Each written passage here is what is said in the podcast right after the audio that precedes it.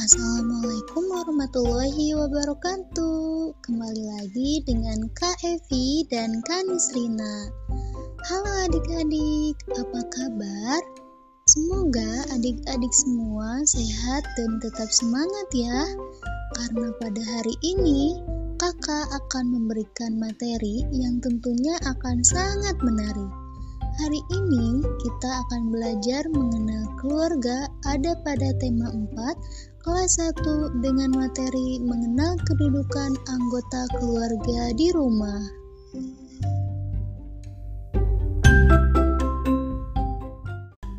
Apakah kalian pernah mendengar kata keluarga? Keluarga adalah orang yang paling dekat dengan kita, tinggal dalam satu rumah dan saling menyayangi.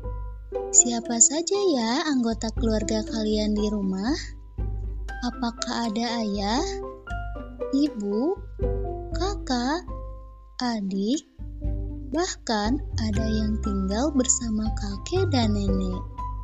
Jadi, keluarga itu terdiri atau terbentuk dari orang-orang yang kita sayang, yang memiliki hubungan darah dan tinggal di dalam satu rumah.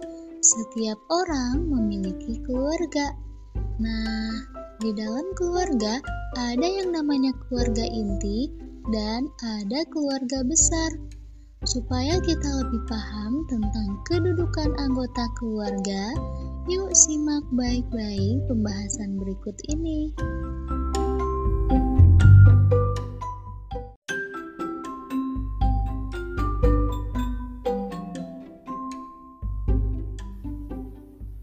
Adik-adik, jadi keluarga inti itu terdiri dari ayah, ibu, dan anak. Sedangkan keluarga besar terdiri dari kakek, nenek, ayah, ibu, bibi, paman, dan juga sepupu. Dalam anggota keluarga itu terdapat silsilah. Nah, silsilah merupakan asal-usul keluarga dengan adanya silsilah ini, memudahkan kita untuk dapat mengetahui hubungan antar keluarga besar.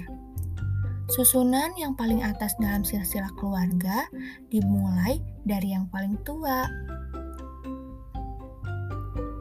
Yuk kita ketahui silsilah keluarga Dora. Dora mempunyai nenek yang bernama Nenek Putri dan kakek bernama Kakek Rudi. Nenek Putri dan kakek Rudi mempunyai dua orang anak. Anak pertama yaitu Haikal dan anak kedua yaitu Kimi. Haikal dan Kimi merupakan saudara kandung, sehingga Kimi memanggil Haikal dengan sebutan kakak.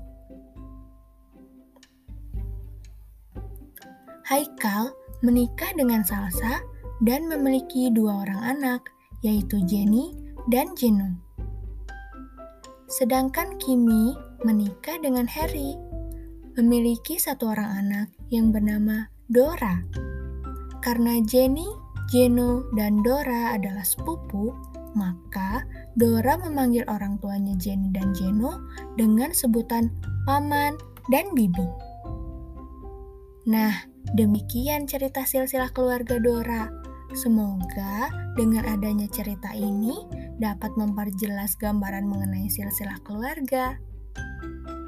Setelah mendengarkan cerita silsilah keluarga Dora, sekarang coba kalian ceritakan silsilah anggota keluarga kalian masing-masing dan dikumpulkan melalui fitur voice note di WhatsApp. Sampai di sini dulu ya pembelajaran kita kali ini. Tetap semangat belajar. Sampai jumpa di pembelajaran berikutnya. Wassalamualaikum warahmatullahi wabarakatuh.